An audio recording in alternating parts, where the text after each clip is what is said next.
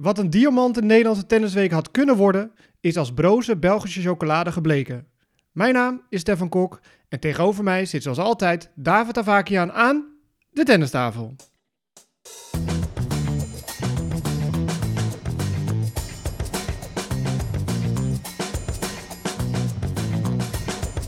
Please take your seats quickly, ladies and gentlemen. Thank you.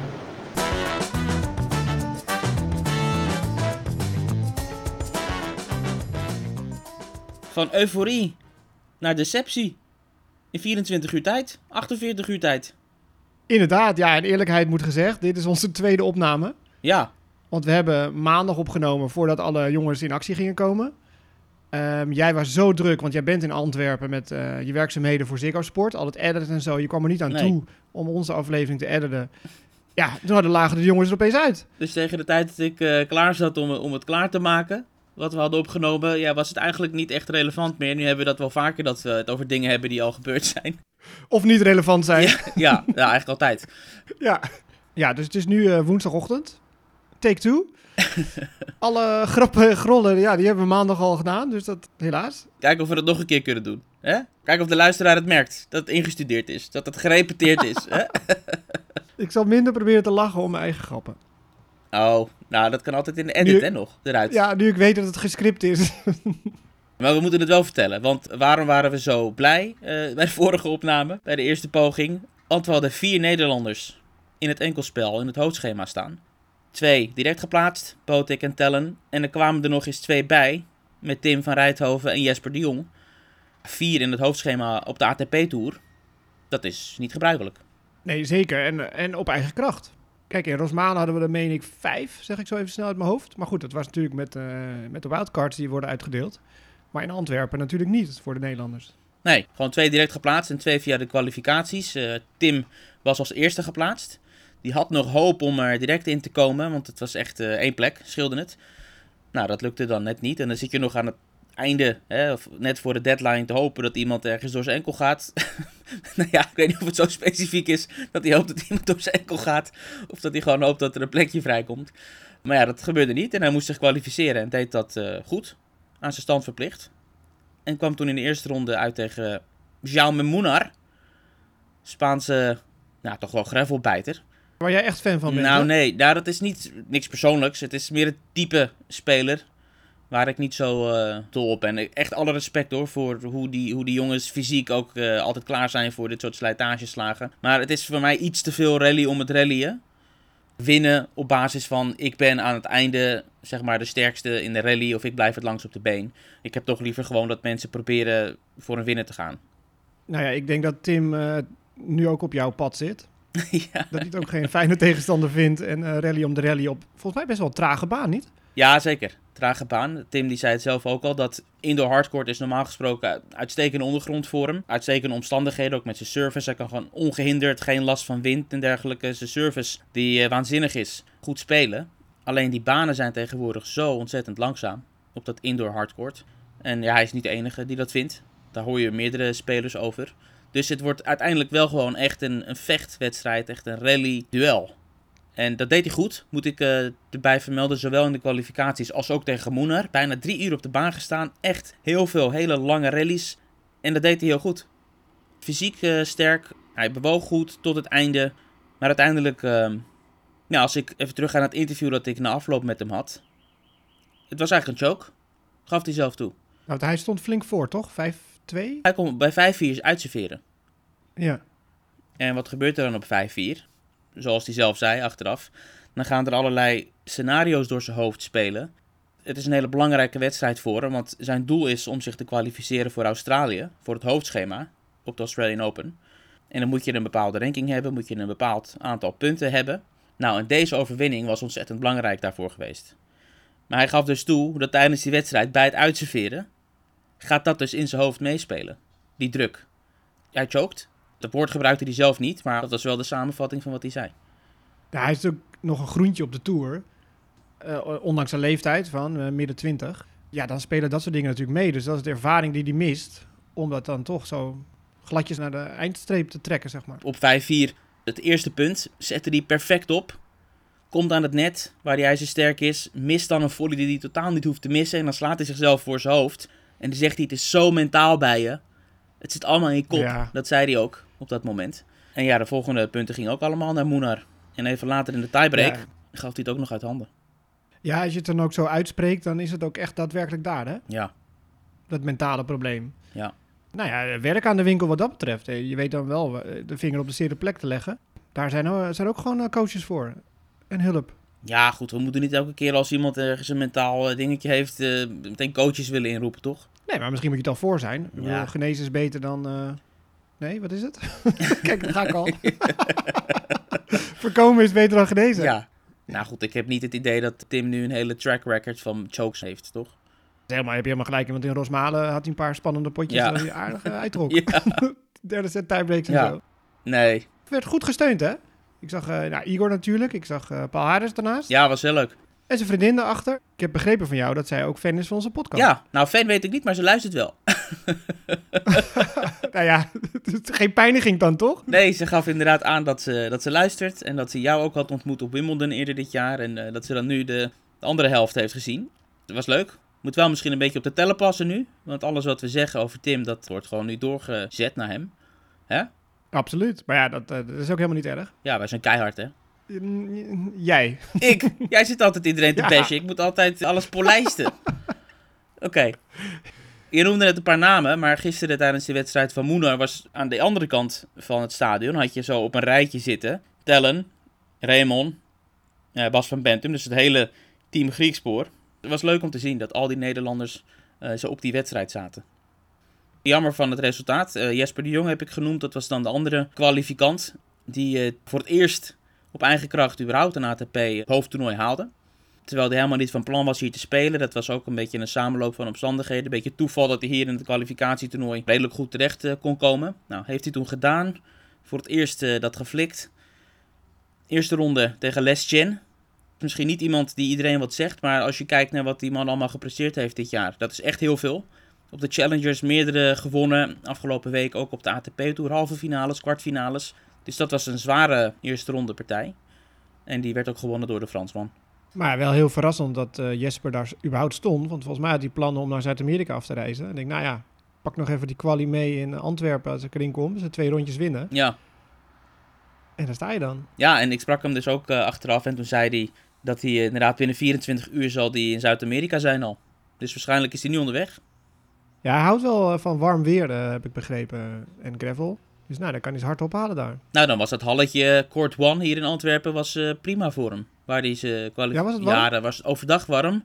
In de avond was het ineens heel koel. Hoe zijn de omstandigheden verder? Want eh, de baan ziet er prachtig uit. Ja, Maar ik ben er ook al eens een aantal keer geweest. Wat er omheen is, dat is eh, ja, te triest voor woorden soms, vind ik. nou ja, het is niet zo rijkelijk aangekleed als in Rotterdam. Of als in Parijs-Bercy. Ja, het is een ATP 250 toernooi. Het budget is kleiner dan wat we in Rotterdam gewend zijn en bij andere indoor toernooien. De gastvrijheid is, eh, is top. De faciliteiten ja, iets minder in de Lotto Arena. Het is een beetje een industrieel gebied. Ja, het ligt aan de snelweg. Kuilen en gaten, dat parkeerterrein. En ja, als ik er was, dan regent het altijd. Dan is het echt wel troosteloos. Ja, een beetje goed eten. Is ook belangrijk. Ja, ik heb nergens over te klagen. Ik kan mijn werk goed doen en eh, alle hulp wordt geboden. En dat is eh, meer waard en belangrijker dan, eh, dan mooie meubilair en zo, vind ik. Oké, en je bent nog goed gekieton, want ik hoorde jou in een Belgische podcast voorbij komen. De grote David de Vakia Nou, nou. show. Dat is gewoon een heel leuk gesprek met Betty. Steuven. Nee, Oh, Betty van Benen Tennis. Het Twitter-account.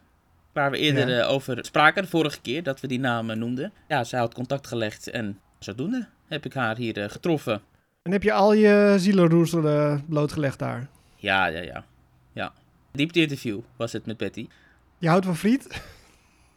Nou ja, ik moest eerlijk bekennen, ze vroeg mij Nederlandse of Belgische keuken. En ja, ik wist niet zo goed wat Belgische keuken is. toen zei ze friet, toen was je om. Dat was makkelijk. Ja, Ja, was ik kopje ook voor haar. het was een interview, want zij wil haar eigen podcast ook beginnen. En zij is razend enthousiast en weet alles van tennis en, en volgt alles op de voet. En ja, zij hoopt ook gewoon iets te kunnen opnemen eh, zo nu en dan. Dat doet ze dan nu via interviewtjes. En ik was er daar één van en ze heeft dat Belgische spelers ook gesproken. Dus eh, we wensen Betty heel veel succes. Ja, het komt ook een beetje omdat we hadden opgeroepen in de vorige aflevering van... hé, hey, mensen, waar, luister, waar luisteren jullie allemaal vandaan? Hè? De delen van de wereld. En we kregen wel wat berichtjes via social media. Ja. En uh, voornamelijk uit, uit België. Ook nog wel andere. Dus het is hartstikke leuk dat we Belgische vrienden maken. Ja. Nou ja, ik weet eigenlijk niet of het vrienden maken is. Als je over het wegdek begint elke keer. Ja, ja, precies. En over uh, Goffin en zo, waar ik niet zo heel groot fan van ben. uh, maar over het wegdek gesproken. Ik had begrepen, jij gaat op de step. Ja, dat is mijn vervoer hier. Dat is het handigste, want van mijn hotel kan ik of uh, via metro's en trams en dergelijke. Dat duurt dan een half uur. Terwijl als ik gewoon het stepje pak, en er staat altijd wel een stepje hier paraat voor de deur van het hotel, dan ben ik binnen 10 minuten ben ik bij de Lotto Arena. Ondanks al die kuilen en zo. Dat gaat allemaal Nou, de fietspaden zijn echt uh, goed van kwaliteit. Je zit de hele dag indoor bij zo'n toernooi, dus je moet zo onderweg van en naar het stadion, moet je alle zuurstof die je kan vinden, moet je, moet je binnenhalen. ja, inderdaad, ja. Uh, nou, over zuurstof gesproken. Uh, Boting en Telling kwam wat kort. nou, het is maar hoe het bekijkt. Want met z'n tweeën hadden ze genoeg. Maar individueel ja. ging het mis. Tellen was de eerste uh, Nederlander die viel, om het zo maar uh, te zeggen. Ja, hij speelde tegen Dan Evans. Had ook wel de zwaarste tegenstander van uh, het stel. Mhm. Mm -hmm. Evans, waar die in Glasgow tijdens de Davis Cup ook wel tegen speelde. En ook daar een prima wedstrijd op zich afleverde, maar tekort kwam. was een beetje een herhaling hier. Ja, het is wel sneu dat hij heeft nu vijf ATP-toernooien op rij verloren. Mm -hmm. in de eerste ronde. Het gaat dan toch knagen, denk ik. Hè? De tellen, volgens mij kennen we van veel wedstrijden willen spelen. Vorig jaar natuurlijk de Challenger-reeks gehad in deze periode. Speelt ook vaak competitiewedstrijden zo nog tussendoor. Dus die wil gewoon veel wedstrijden spelen. Ja, en als je dan op de ATP-tour in de eerste ronde steeds wordt uitgeschakeld. Wat voorkomen kan gebeuren tegen Evans of tegen Bublik en zo, weet je. Hij heeft wel wedstrijden nodig. En zijn hoge ranking is in zekere zin ook een beetje een vloek. Want hij zei, ja, eigenlijk zou ik veel liever bij de komende toernooien kwalificatie spelen. Dan dat ik er meteen in zit. En omdat zijn ranking vrij goed is, is er natuurlijk een aanzienlijke kans dat hij gewoon rechtstreeks geplaatst is. En dat hij dan koud, als het ware, zo'n toptoernooi moet spelen. En als we dan kijken waar hij kan spelen, het wordt of Basel of Wenen voor hem. En daarna Parijs-Bercy. Nou, er is gewoon een gigantische kans dat je in ronde 1 een top 10 speler treft. En dan heeft hij liever even wat wedstrijden in de benen. Maar ja, je kan niet zeggen van laat het hoofdtoernooi maar zitten, zit mij maar in de kwalificatie. Zo werkt het niet. Nergens inschrijven. Ja, dat zou kunnen inderdaad. Hij verliest van Evans, ja, die heel goed speelt en op indoor gewoon goed uit de voeten kan. Hij zei nog, ik hoop hem een keer op gravel te loten. Evans, dan wil ik het wel zien, hoe het gaat. Een zware tegenstander. Je kan het, het is balen inderdaad dat je zegt dat hij nu een, een beetje een negatieve reeks heeft neergezet. Maar ja, het is geen schande. Het is niet raar dat Tellen dat potje niet wint. Het moet gewoon een moment gaan komen. Misschien gewenning dat hij nu een jaar... Want ja, het is ook, ook weer zoiets om een jaar te zeggen. Want hij heeft zoveel weken gemist door blessures en meerdere keren corona. Een zwaar jaar geweest. Dat gaf hij ook toe. En ik hoop uh, nog een run neer te kunnen zetten ergens uh, de komende weken. En in ieder geval fit en positief aan het volgende jaar te kunnen beginnen. Het seizoen duurt lang, hè? Ik bedoel, heel veel denken alweer aan volgend jaar, terwijl we nog weken te gaan hebben. En met die Davis Cup straks eind november. Het is echt belachelijk eigenlijk. We spraken hem dus na zijn wedstrijden. En tegen ANP vertelde hij dat hij zijn vakantie, zijn off-season vakantie, voor Malaga heeft gepland. Ja. Dus hij gaat Parijs-Bercy spelen. Dan gaat hij op vakantie. Dan komt hij terug, gaan ze voorbereiden op Malaga. En daarna is het echt al gewoon uh, voorbereiding op volgend seizoen. Dat is heel raar natuurlijk, dat je, dat je zeg maar die ontspanning inzet voor de Davis Cup Finals. Maar ja, ik begrijp het wel, want er is geen ander moment. Dat zal uh, voor Boting misschien ook wel gelden. Ja. ja, dat zei hij ook. Ja. Die speelt natuurlijk ook nog een aantal toernooien, maar in Antwerpen niet meer. Ja, niet in de single in ieder geval. Nee. Tegen die uh, Dominique Strikker. Ja, die noemde jij de vorige keer. Ja, linkshandige Zwitser. Ja, goed hè. Ja, goede speler. Uh, hij oogt nog niet helemaal fit, maar dat heeft hij al sinds dat ik hem zie. Ja, is een beetje fors. Een rond gezicht. En ik heb hem nu dan live van dichtbij gezien. Het valt wel mee. Het is gewoon dat zijn gezicht is, is een beetje een bolletje. Dus dat lijkt het alsof hij misschien niet afgetraind zou zijn. Maar dat, dat valt reuze mee. Hij is, hij is okay. heel lichtvoetig. Kan alles. Serveert goed. Rallies. Alles heeft hij wel een beetje. En is heel jong. Ja, wie weet heeft Zwitserland een volgend heel groot talent in handen. Ja, daar moet je wel mee oppassen. Ja, zeker. Want nogal wat schoenen te vullen. Ja. Maar goed, je verwacht uiteindelijk toch wel iets meer van Botik dan met 6-2, 6-4 te verliezen. Van ook al hoe goed Strikker ook is en een talent en jong en zo. Uh, die status heeft Botik nu eenmaal. Dat je op een hardcourt baan, een trage hardcourt baan, wat meer tegenstand biedt. Nee, ja, natuurlijk. Zeggen. Hij staat 100 plekken hoger op de wereldranglijst. Ja. Die Strikker komt net kijken en Botik die is gewoon een speler waar mensen van horen te schrikken. In het schema. Nou ja, goed, hij heeft vaak genoeg laten zien dat hij, dat hij een soort reuzendoder kan zijn, Botik. Maar nu speelt hij dus tegen iemand die misschien eh, juist hem ziet als, als een grote naam om te kloppen. En ja, het was gewoon niet goed. Hij serveerde niet goed. Wat volgens mij vaak ten grondslag ligt aan de mindere resultaten van Botik. Als die service niet loopt, ja, dan gaat het vaak mis. Dan slaat hij ook veel dubbele fouten op onhandige momenten. Ook wat hij zelf vaak aangeeft is op het moment dat het niet lekker loopt of dat hij gespannen is, dat zijn voetenwerk niet lekker is, dat hij vastzit.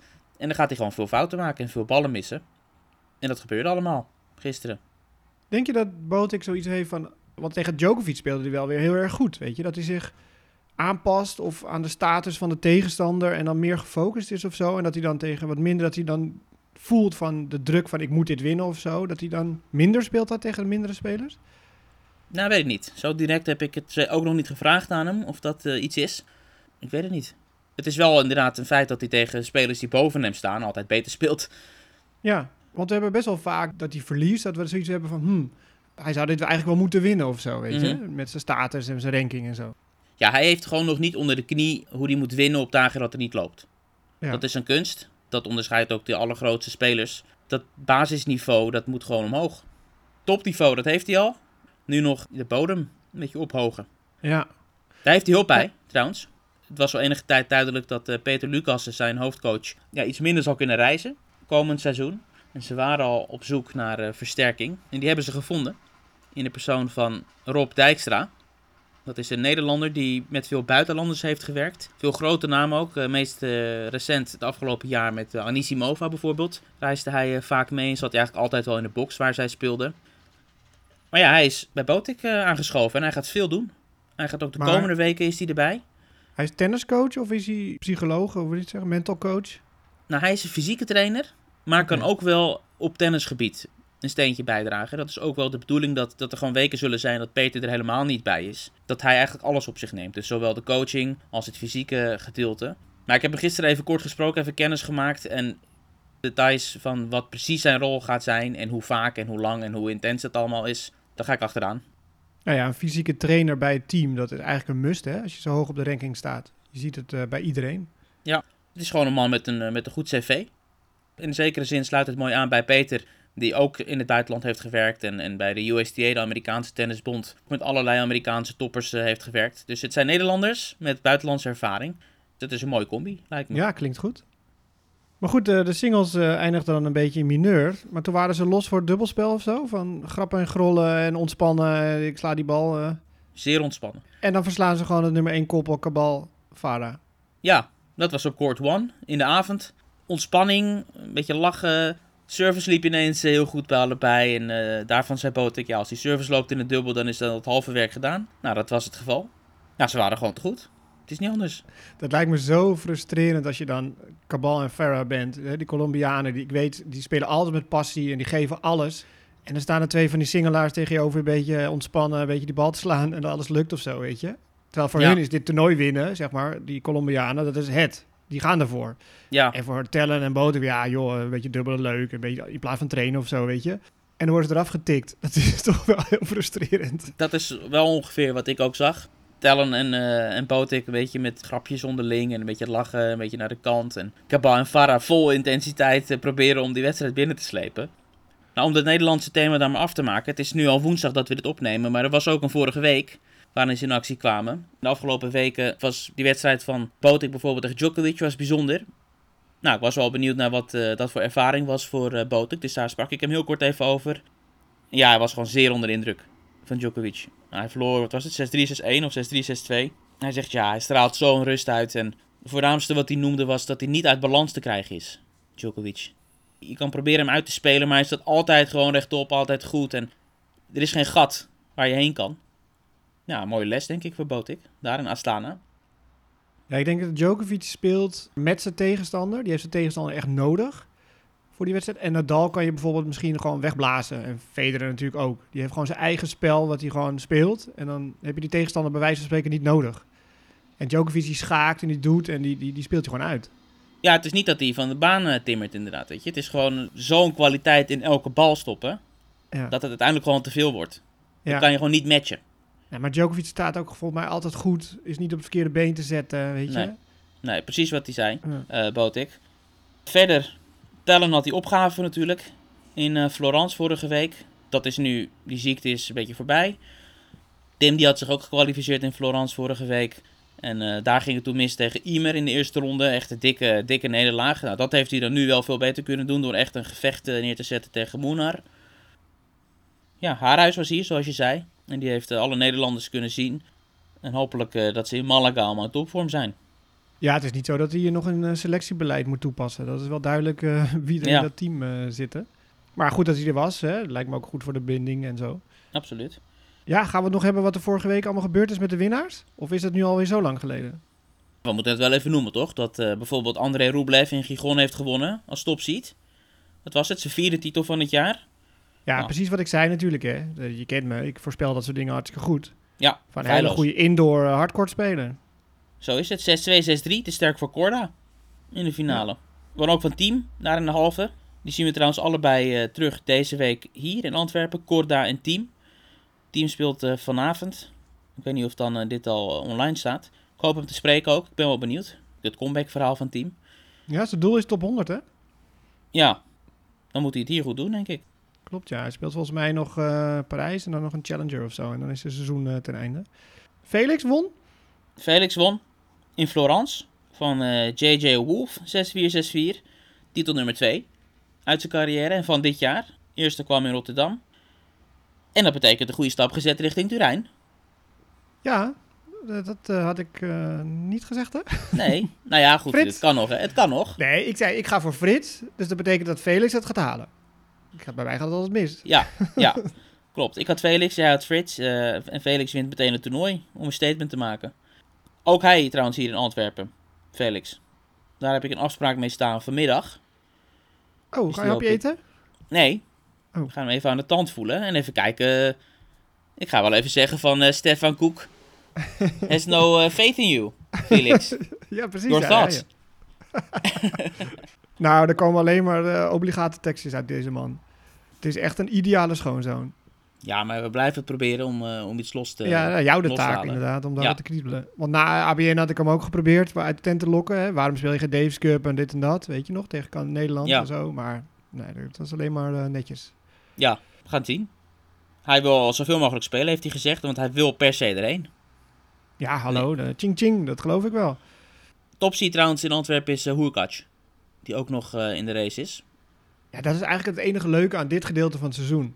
Dat die plek 6, 7, 8 zeg maar voor de, voor de finals nog niet helemaal bekend zijn. Oh, ja, het en dat enige allemaal... leuke. Ja, dat vind ik wel. Een opmerking, ja, dat vind ik niet.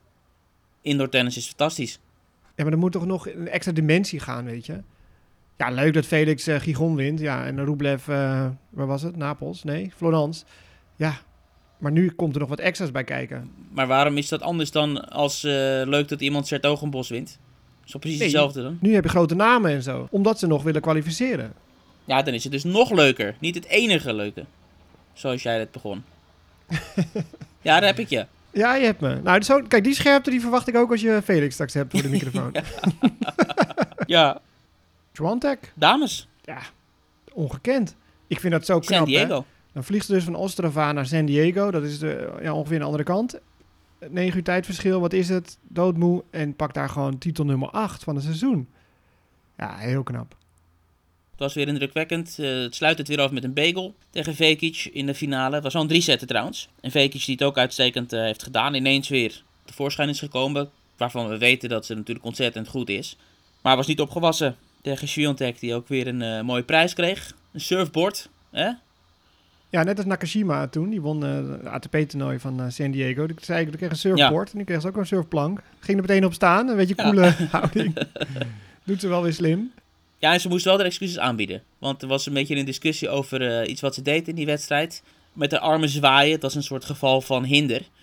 En dat werd niet zo chic gevonden. Vooral ja, op social media. Dat is altijd waar de hel losbarst. Ze heeft direct de excuses aangeboden aan Vekic. Is dat niet sportief? Ja, als het naar het net gaat, dan willen ze nog wel eens naar zwaaien. Hè? Met de racket en de armen en zo. Ja, het is gewoon hinder. Want haar doel is om de tegenstander af te leiden. En ja, dat vind ik per definitie onsportief. Dat moet je niet nodig hebben als Swiatek zijn. Ja, maar jij... Tennis is toch per definitie een mens erg in het spelletje? Nee, niet per definitie. Het kan. Natuurlijk het wordt wel. Gedaan. Ik zou niet willen zeggen dat dat aan de basis ligt van hoe je de tennis wedstrijd Ik ga toch niet een bal spelen die jij fijn vindt? Ik ben je toch alleen maar aan het plagen als tegenstander. ik speel toch alleen maar, zeg maar ballen die jij moeilijk vindt. Ja, maar dat is geen hinder. Dit is gewoon hinder. In de spelregels staat hindrance. Ja, goed, we moeten de, de regels er maar op naslaan. En het was ook geen geval van dat ze de regels overtrad. Het was gewoon Ja. onsportief. Ze was natuurlijk al lang en breed gekwalificeerd, Swiatek, voor eh, de WTA Finals. Is verreweg de beste van het jaar. Draait nu ook het beste jaar sinds, eh, ja, wat zal het zijn, Serena Williams in 2013. Toen zij bijna alles won, 11 titels destijds.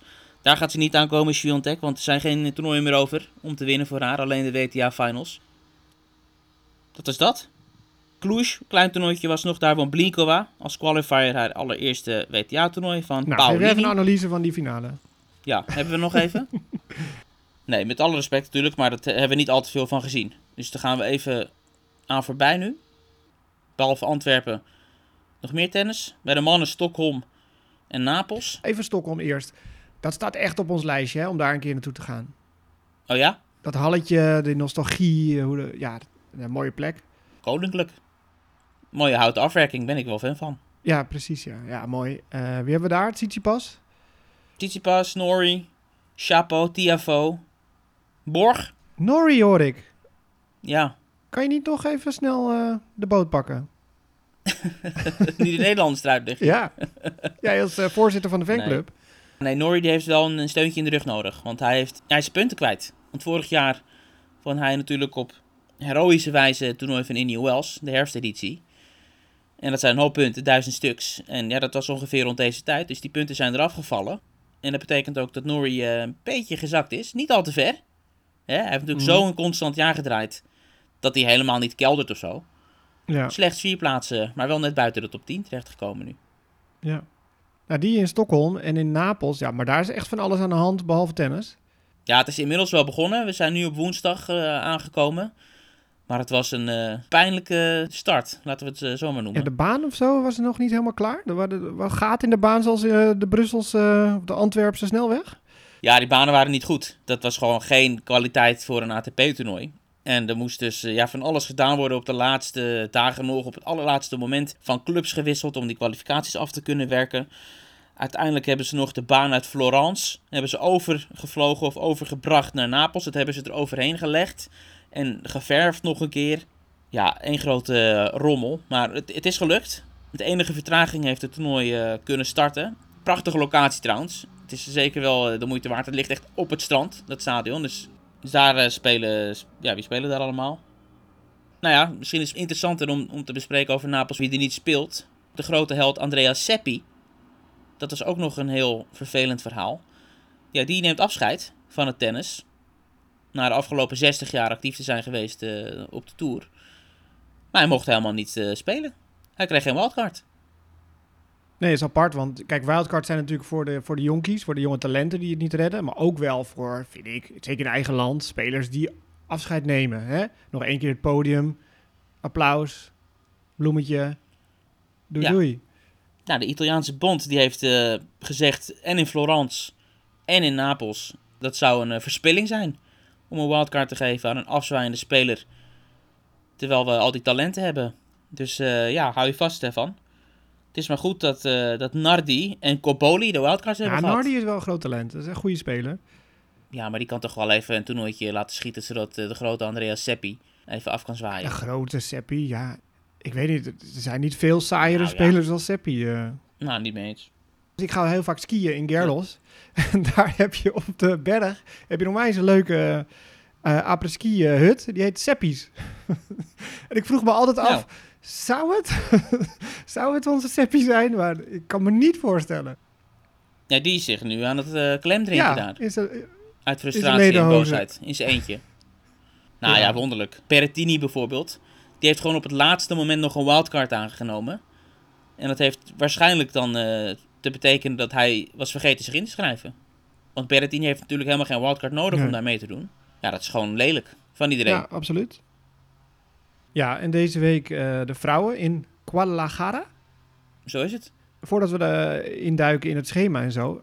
Er was een probleem met bijen. Weet jij er meer van? Ja, er was een wedstrijd die eh, later begon. De wedstrijd van Quito Wapera. Omdat de scheidsrechterstoel... Daar zat geen scheidsrechter in, maar een hele zwerm bijen. dat moest verwijderd worden voordat ze konden beginnen. Want dat, eh, dat waren er echt heel veel. Bizar. Ja, Zoiets heb ik nog nooit gehoord. zo maak je nog wat mee. Nee, ik kan me het ook niet herinneren. Zoiets. Nee, dus die stoel heeft daar gewoon een jaar gestaan. Daar hebben ze gewoon een nestje eh, gemaakt. En toen moest Ja.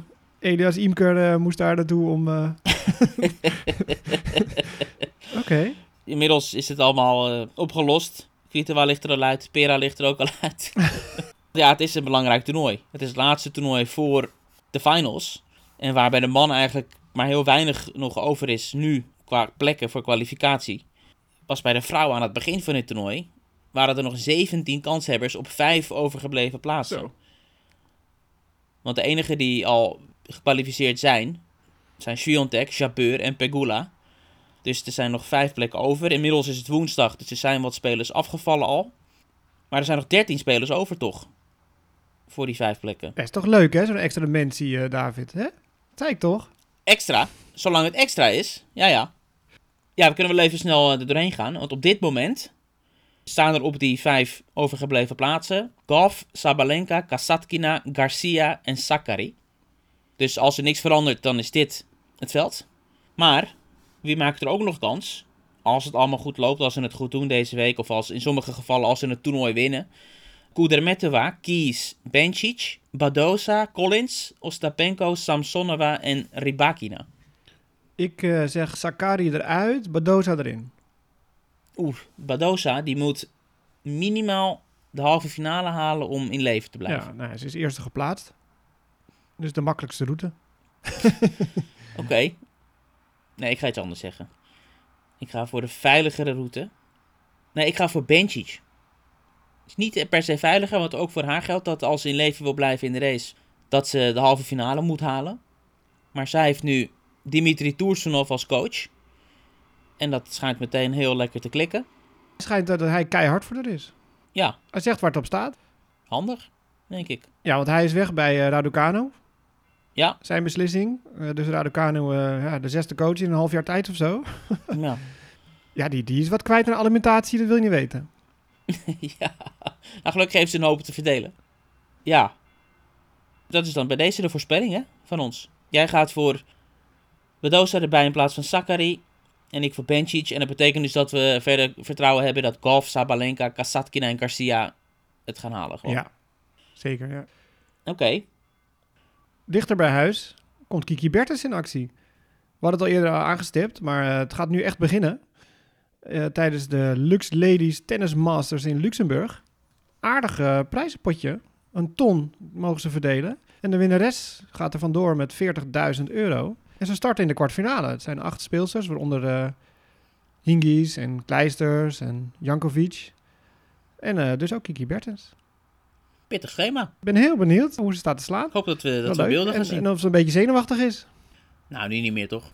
Nou ja, we hebben die eh, docu gezien, toch? Dat ze het behoorlijk zwaar heeft en dat ze het nu lekker in de vel zit. Dus laten we hopen dat dat zo blijft. Eh, over Bertens gesproken. Ze wordt assistentcoach van het Billie Jean King Cup team dat niet in Nederland speelt, maar in Frankrijk. Mhm.